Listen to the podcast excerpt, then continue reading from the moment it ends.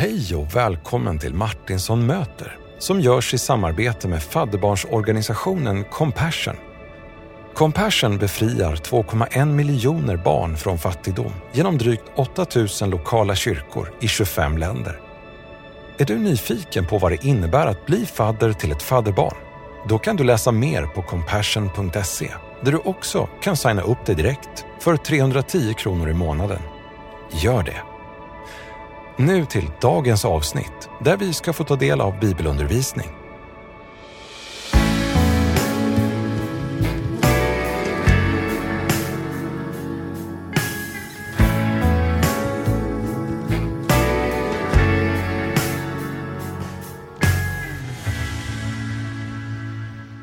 Välkomna tillbaka till Martinsson möter. Podcasten som vill vara en röst till tro och tröst och hopp från fadderbarnsorganisationen Compassion. Vi är ju mitt inne i en säsong som består av fyra delar och det är psalm 23 som gäller. Dessa ord skrivna av David, kung David, om hans historia som herdepojke och minsting i släkten, där han uppfattar att Gud är hans herde när han själv agerar som ett får. Så vi har läst många versar och vi har hållit på i två veckor och idag är det del tre och sen kommer del fyra och sen är det dags för sommarpoddarna. Det här är sex versar, de är korta, de är kärnfulla och de är oerhört kraftfulla. De har gett tvivlare tröst, de har fött tillbedjan och tacksamhet hos miljoner människor i århundraden.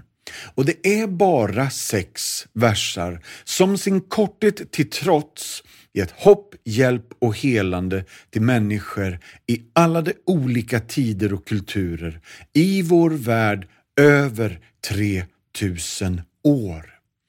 Vi har redan läst salmen och nu skulle jag vilja göra en riktigt annorlunda grej.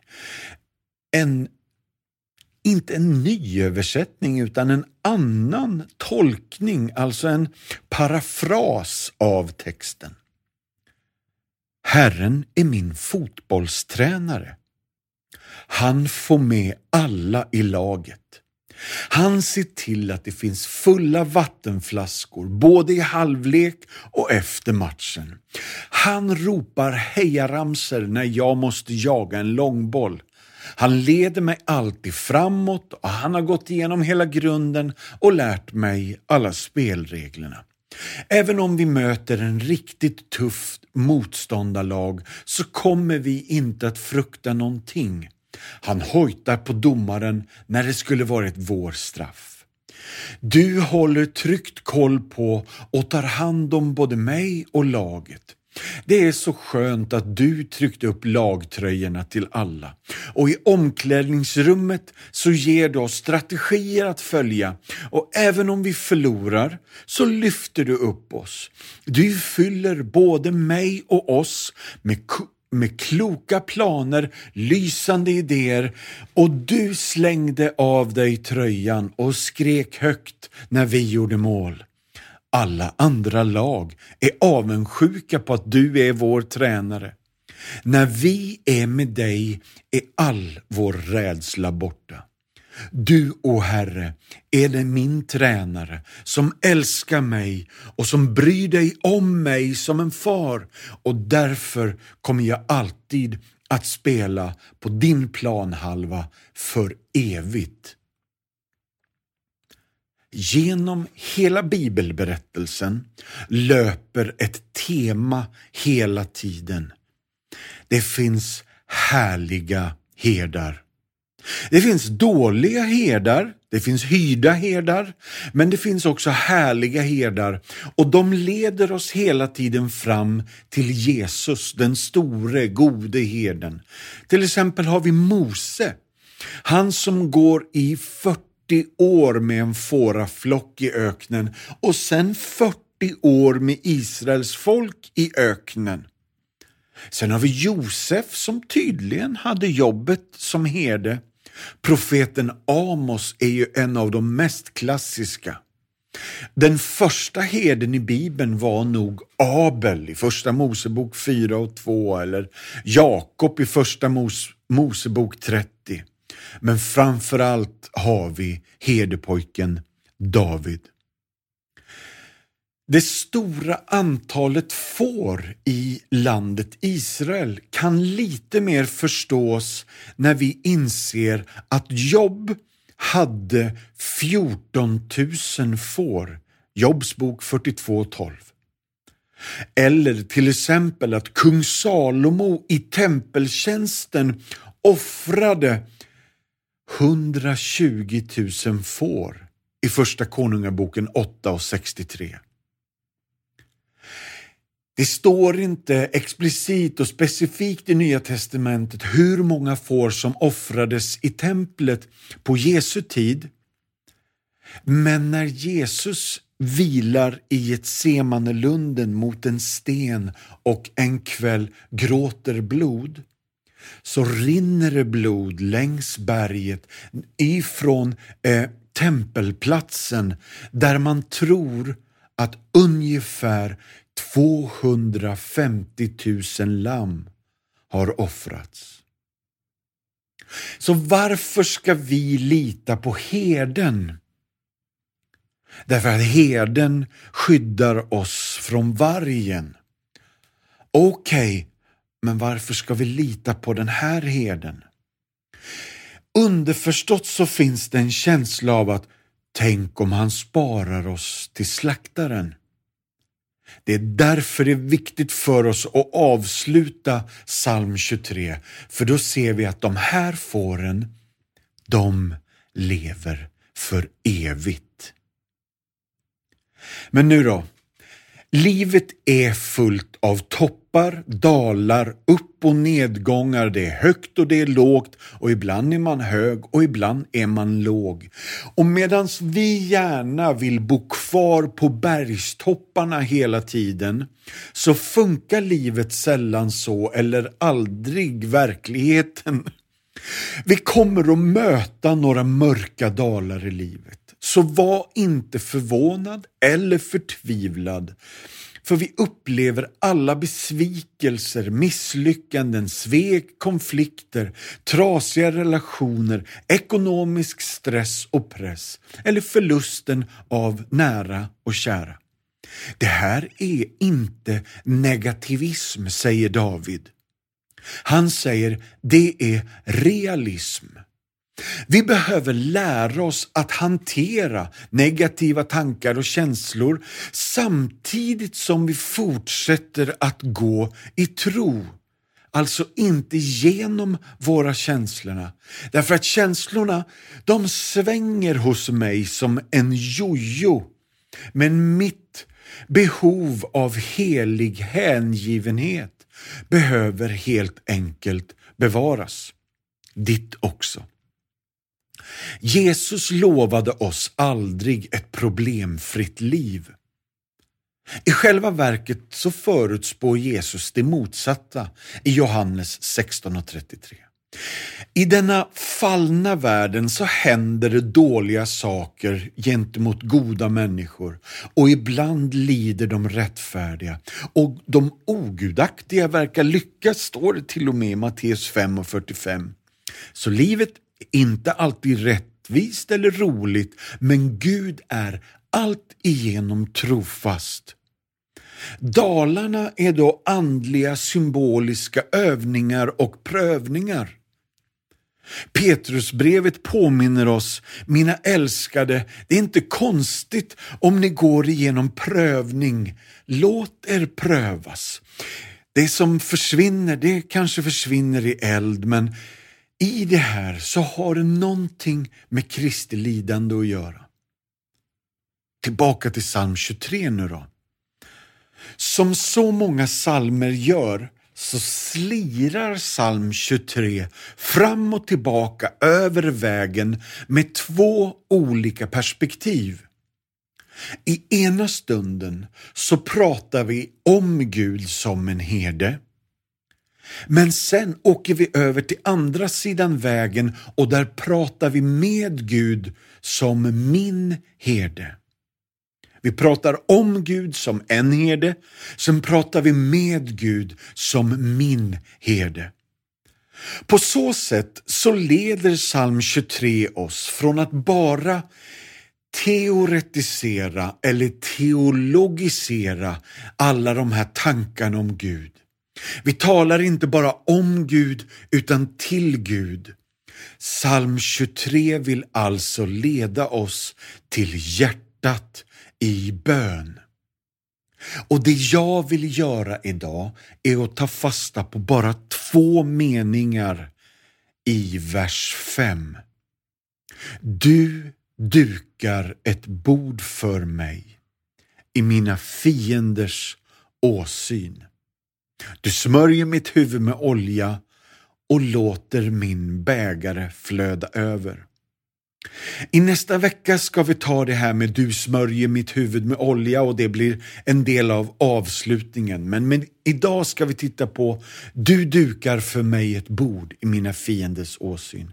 Och sen sista frasen och låter min bägare flöda över. Jag vet inte om du har hört och jag tror faktiskt det här är en sann historia. Det var en familj som hade en obändig dotter och till slut så sa de du får inte sitta vid bordet och äta med oss om du beter dig så här. Och dottern gav sig inte. Så mycket riktigt, de hade ju sagt att nu gäller det. Så de tar fram ett barnbord och sätter henne där. Ungefär som du dukar. Då då, då hör hela familjen hur dottern motvilligt och liksom lite så här i mungipan sammanbitet ber bordsbön. Och så ber hon Herre, tack för maten. Du dukar en måltid för mig i mina fienders åsyn. För det första så tycker jag att det är jätteroligt men sen ger det mig ett jättebra upplägg för dagens undervisning. För vi hör att fienden står för dörren. Notera då att det borde ju orsaka lite stress, åtminstone hos Gud. Vad gör Gud när fienden står för dörren? Lyssna nu. Han tar sig tid att laga mat till dig. Det är ingen snabbmat på stående fot. Det är inte bara lite yoghurt och kräm eller lite flingor och mjölk eller ta en banan och en kexchoklad. Han förbereder en riktig brakmiddag för dig och fienden står för dörren. Jag hör ju så många, vad ska vi säga, vingslag utav psalm 23 gång på gång på gång i hela Nya Testamentet. Vi har redan snuddat vid när Jesus böjer sig över den där stenen och våndas i Getsemane. Herre, låt den här bägaren gå ifrån mig. Vädjar han, ber han. Men samma kväll, bara lite tidigare om vi spolar tillbaka bandet, så kommer du kanske ihåg att Jesus bjuder till fest i övre salen. Han dukar upp finmiddag och bjuder på sig själv. Det kallas för den sista måltiden och han gör mycket av den bägaren. Märk väl att Judas inte bara står för dörren utan han sitter vid bordet. Min uppmaning till dig idag är att inte låta dina fiender ta plats vid ditt bord och jag kommer att återkomma till varför. Men i Nya Testamentet så har vi en avslutande bok som heter Uppenbarelseboken och den gör stor sak av bröllopsmåltiden. Den målar upp bilderna av en bankett, en brakfest utan dess like. Och det är vad som väntar dig.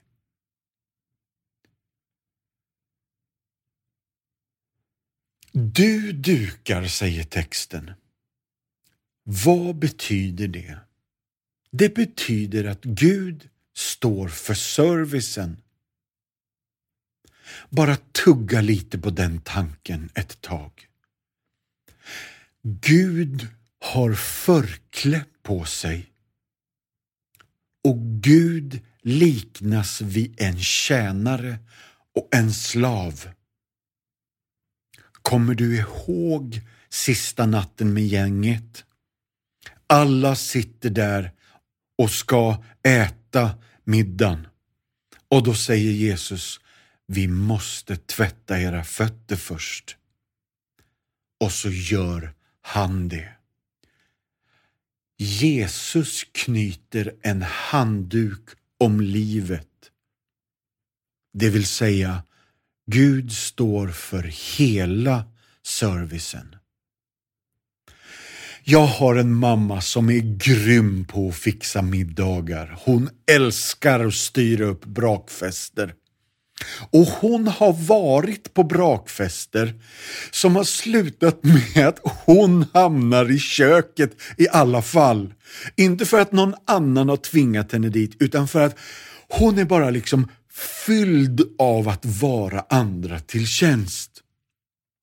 Men här ska du och jag Varsågod och sitt.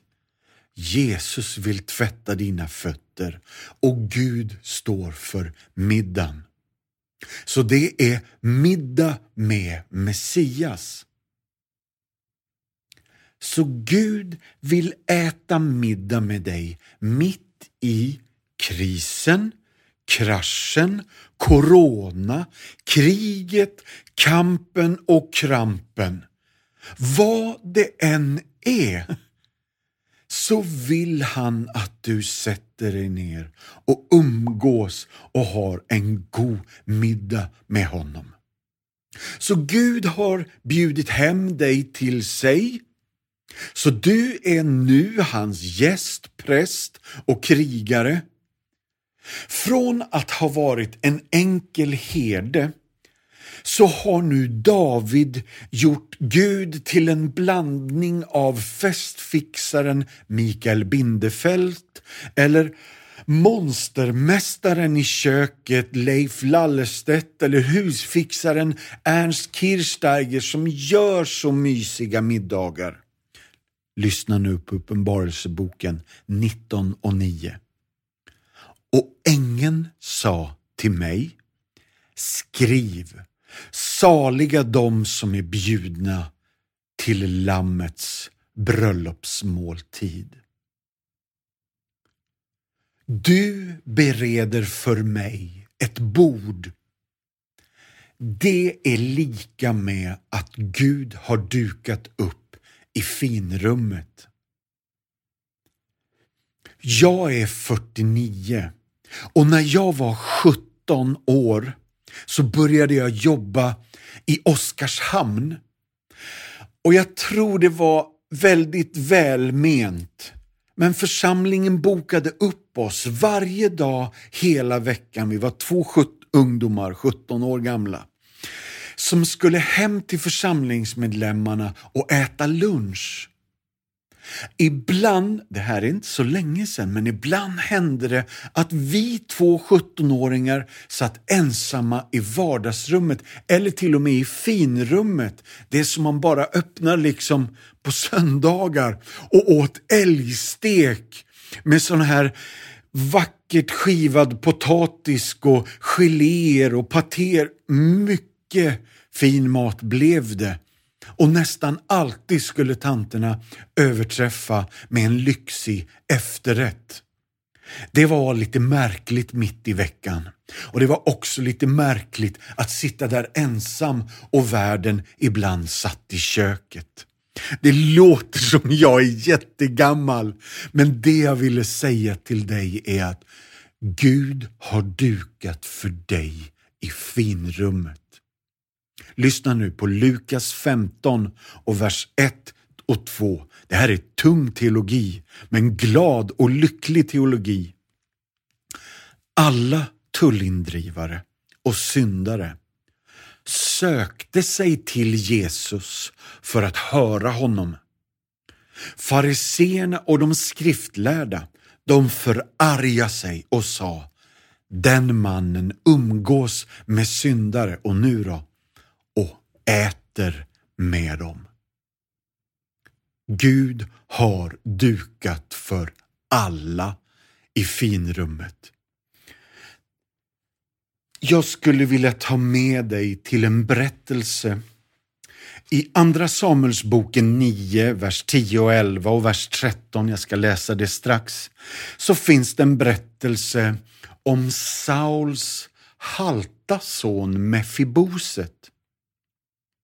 David har blivit kung, Saul har blivit dödad, inte av David utan av fienden. Eh, och David sörjer Saul.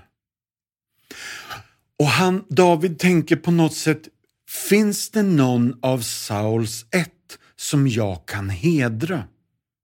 Och så får han reda på att Sauls halta son Mefiboset bor med sin, vad ska vi säga, um, hjälpare eller vårdare eh, ute på landet. Och i Andra Samuelsboken 9, vers 10, 11 och 13 så står det så här. Och Mefiboset ska alltid äta vid mitt bord. Mefiboset åt sedan vid kungens bord som en av kungens söner. Men själv bodde han, alltså Mefiboset, i Jerusalem eftersom han alltid skulle äta vid kungens bord. Han var skadad i benen och haltade. Vi hinner inte gå in på djupet i den innebörden som det här har. Men låt mig bara lite grann ruva på det här några sekunder till. Att vara handikappad har ju varit ett stigma, kan fortfarande vara. Tänk då hur det var på den här tiden. I andra kulturer kan sånt här undangömmas. Eh, och de här människorna, hur fruktansvärt det än låter, så kan till och med de undangömmas. Men David beslutar sig om att Mefiboset, eller i en annan översättning heter han Mefivoset, ska alltid för resten av sitt liv äta vid mitt bord som en av mina söner. Hör ni språket här? När Jesus bjuder in halta och lytta och lama och säger den här bröllopsfesten är för er. Vad är implikationerna i det här? Alla ska med. Det dukade bordet säger oss att vi har frid med Gud mitt i livets strid. Så när Abraham fick besök av tre okända män, då gjorde Sara en riktig fin middag. Och när den förlorade sonen kommer hem efter att ha förslösat allt, ja då slaktar man gödkalven i Lukas 15. Och genom hela gamla testamentet så slaktades alltid offerlammet och då samlades familjen och firade påskhögtid för det innebar frid med Gud. Och sista natten med gänget så inbjuder ju Jesus till middag och väl där så instiftar han nattvarden. Och vi har redan nämnt att Uppenbarelseboken talar om en bröllopsmåltid. I mina fienders åsyn, står det. Jag sa i början att ge aldrig plats till dina fiender vid ditt dukade bord. För så fort de har satt sig så förstör de hela middagen. Lyssna här på psalm 78 och vers 18. Med vett och vilja satte de Gud på prov när de krävde att få mat och de klandrade Gud och sa Kan Gud duka ett bord i öknen? Hör ni ekot av frågan där David konstaterar du har dukat ett bord för mig i mina fienders åsyn. Så mitt i besvärligheter, prövningar och omständigheter som inte alls är som vi önskar påminner David att i den kris, krasch, corona situationen är Gud närvarande hos sitt folk. Så trots att fienden är närvarande så är Gud närmre. Håll fienden på avstånd. Det känns nästan som att vi sitter vid ett dukat bord och Gud servar oss och en bit bort står fienden och tittar på. Så än en gång vill jag stryka under vikten av att förstå att inte inbjuda dina fiender eller inte tillåta dina fiender att sätta sig ner. För bordet är ju i första hand inte ditt, det är Guds bord.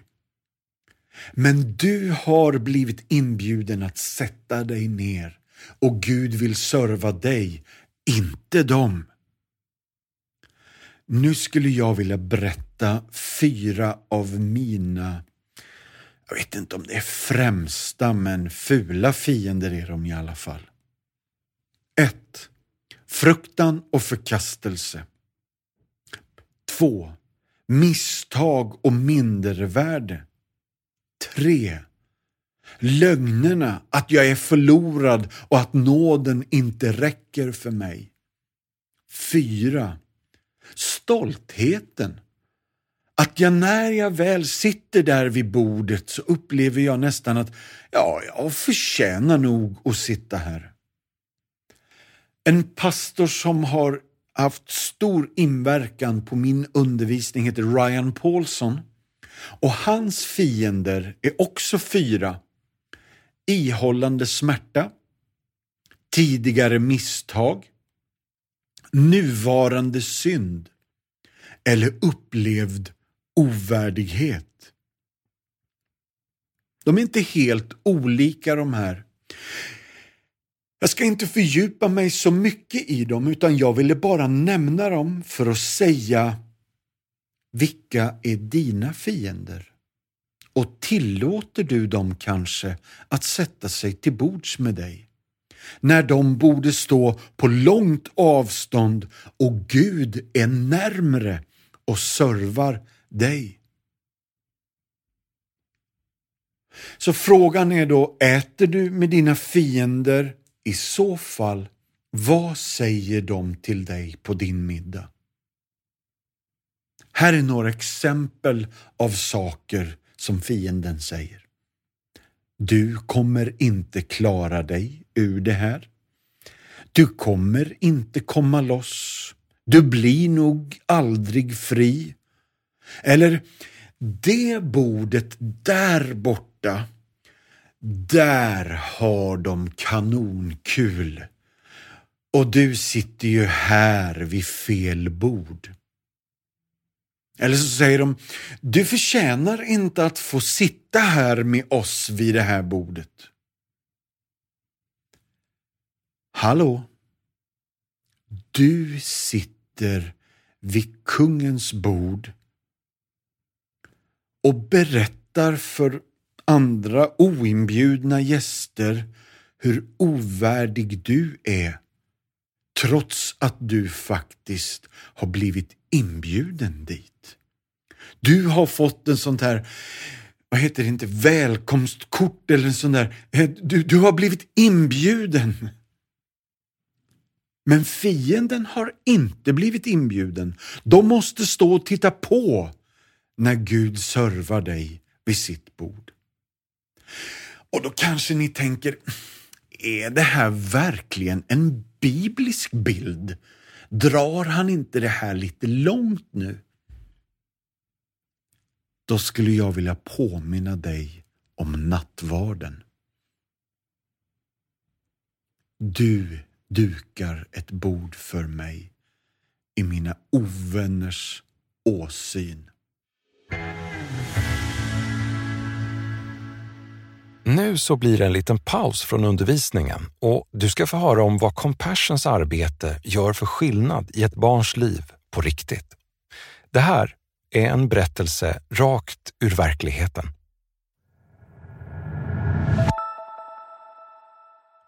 Nu skulle jag bara vilja ta några minuter och berätta lite om Compassion och vårt arbete i fält. För vi har fortsatt jobba mitt i och under Corona. Därför att det här arbetet kan inte avstanna. Här kommer en berättelse. De här bröderna har oss på kroken. Elvaåriga José hjälper till att fånga fisk för att ge mat till sin familj. Med en krok, en plastflaska som flötör och en sten som ankare och i deras lilla samhälle på den ekvadorianska kusten är fiske ett familjearbete.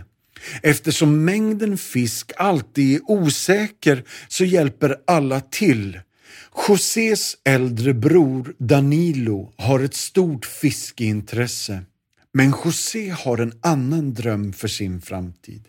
Han vill göra familjens liv enklare genom att bygga dem en båt. Att färdas i de här små båtarna gör mig helt yr, säger han. När jag växer upp, då vill jag bygga stora fartyg så min pappa och de som fiskar kan arbeta mer bekvämt och framförallt mer säkert. José är en del av Compassions lokala center där han får det utbildningsstöd han behöver för att få en ljusare framtid. Eftersom skolorna stängdes på grund av pandemin så ser Compassion-centret till att barn som José lär sig trots att de inte har tillgång till internet. I kyrkan har jag lärt mig allt om hur jag jobbar och hur jag kan studera hårt så jag kan bli ingenjör och kanske bygga tusentals fartyg, avslutar José. Compassion är en fadderbarnsorganisation som funnits i snart 70 år och vi hjälper över 2,1 miljoner fadderbarn i 25 länder. Vårt uppdrag hittar du i Markus evangeliet 16 och 15. Gå ut i hela världen och predika evangelium för hela skapelsen. Som svar på missionsbefallningen existerar alltså vi som en förespråkare för barn i nöd för att frigöra dem från andlig, ekonomisk, social och fysisk fattigdom. Och vi vill frimodigt vädja till dig. Kom och tillsammans med oss kan vi förvandla liv. För 310 kronor i månaden understödjer du ett barn och blir fadder och hjälper till på alla dessa fyra livsavgörande områden. Gå in på vår hemsida www.compassion.se. Tack att du lyssnar och tack att du stödjer.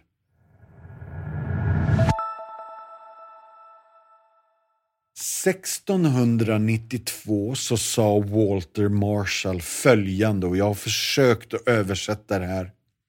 Du kan inte älska Gud om du är under den ständiga hemliga misstanken att han faktiskt är din fiende.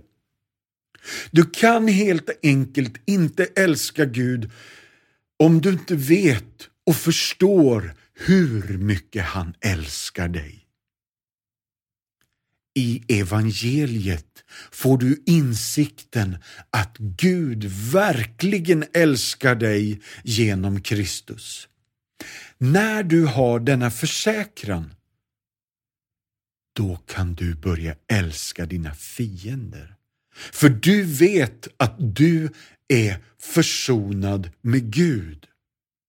Och jag tror att det är Romarbrevet som säger, gör du då det så samlar du glödande kol på din fiendes huvud. Men Marshall antydde att istället för att se det som det verkligen är så tror man, tror man på lögnerna. Och lyssna här nu då. Genom alla tider har lögnens fader alltid försökt att framställa Gud som en motsträvig givare som bara ger snålt och när han måste. Men lögnens fader har för avsikt att lura dem som tror på Gud. Och Han vill få dem att tro att de saknar och de berövas det goda i livet. Det här är den bild som den onde har försökt att måla upp. Att Gud har undanhållit oss maten eller frukten i den första trädgården. Adam och Eva, ni vet, i första Mosebok 3 och 1. Där vi tror att Gud har undanhållit oss allt, trots att allt är oss givet. Det är bara en grej vi inte skulle äta av. Så allt det är oss givet. Gud har bjudit till fest och du är gäst. Tre snabba nu då. Hur kan du få dina fiender att fly? 1. Fokusera på festen. Spring inte bara ifrån dina fiender, spring till Jesus, din Mikael Bindelfelt festfixarvärd. 2. Vänta inte på finalfesten, alltså den slutliga segern i Uppenbarelseboken, utan njut redan nu av fredagsmys och middag med Jesus, din Messias. 3. Påminn dig själv ständigt att Jesus har betalat dyrt han har köpt priset för din stol vid hans bord med sitt kors. Så hur kan du få dina fiender att fly? 1. Fokusera på festen. Spring inte bara ifrån dina fiender utan spring rakt in i famnen på din festfixare Jesus. 2. Vänta inte på finalfestens slutgiltiga seger utan njut redan nu av fredagsmys med Messias, din middagsfixare. 3.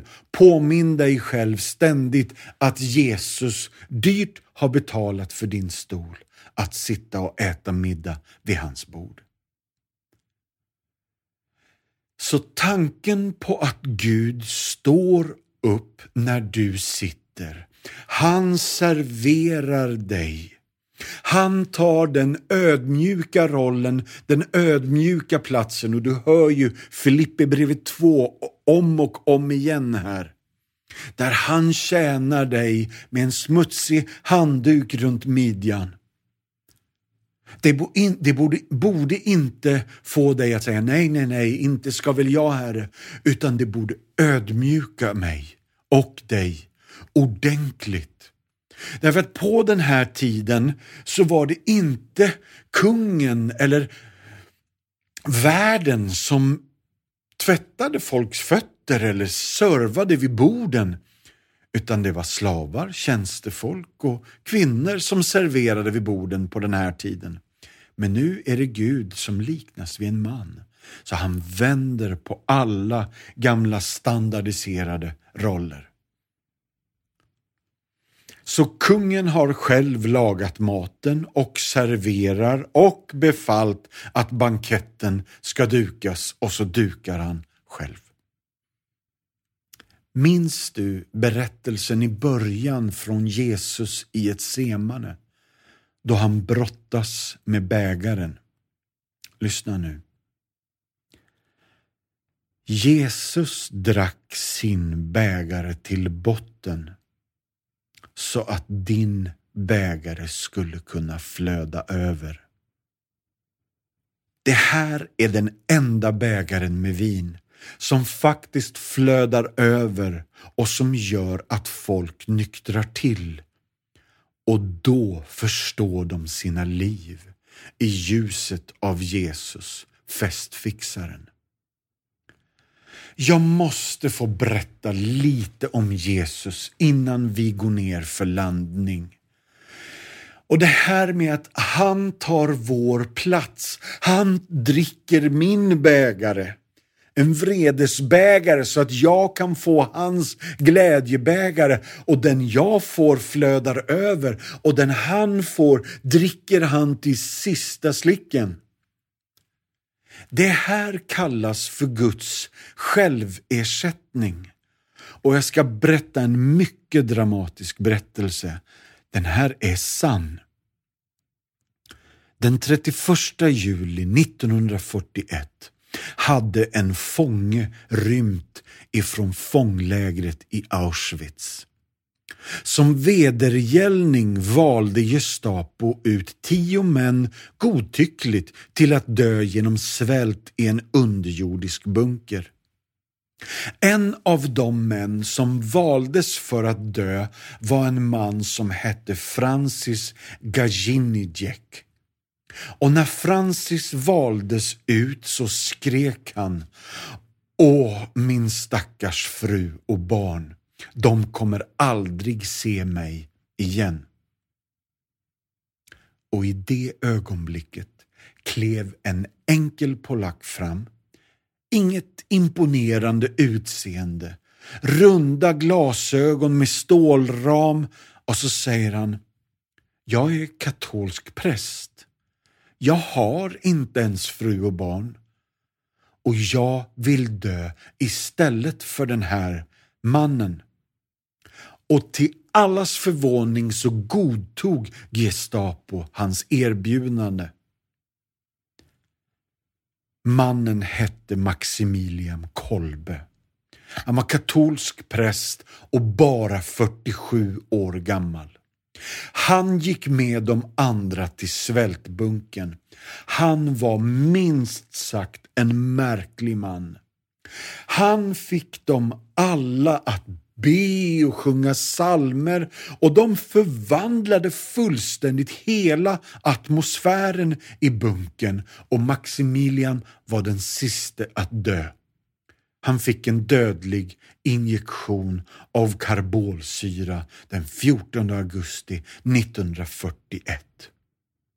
41 år senare, den 10 oktober 1982, så sattes hans död i rätta perspektiv. För på Petersplatsen i Rom i en folkmassa på 150 000, 26 kardinaler, 300 biskopar och ärkebiskopar. Så stod Francis Gajinijek. Påven höll ett högtidligt tal där han beskrev Maximilians död med orden Det var en seger lik den som vanns av vår Herre Jesus Kristus. TV-kanalen NBC gjorde en nyhetsspecial hemma hos Francis. Han berättar sin historia med tårarna rinnande ner för hans kinder. Han visar tv-teamet runt och kommer fram till en marmorplatta som var vackert välskött och hade blommor om sig. Med tydliga bokstäver stod en inskription. Till minne av Maximilian Kolbe. Han dog i mitt ställe. Jesus Kristus, Guds son, är alltså det ultimata, det yttersta och det slutgiltiga påskalammet som dör i ditt och mitt ställe. Amen. I nästa vecka ska vi fortsätta med avslutningen vänner. Gud välsigne er var och en i Jesu namn.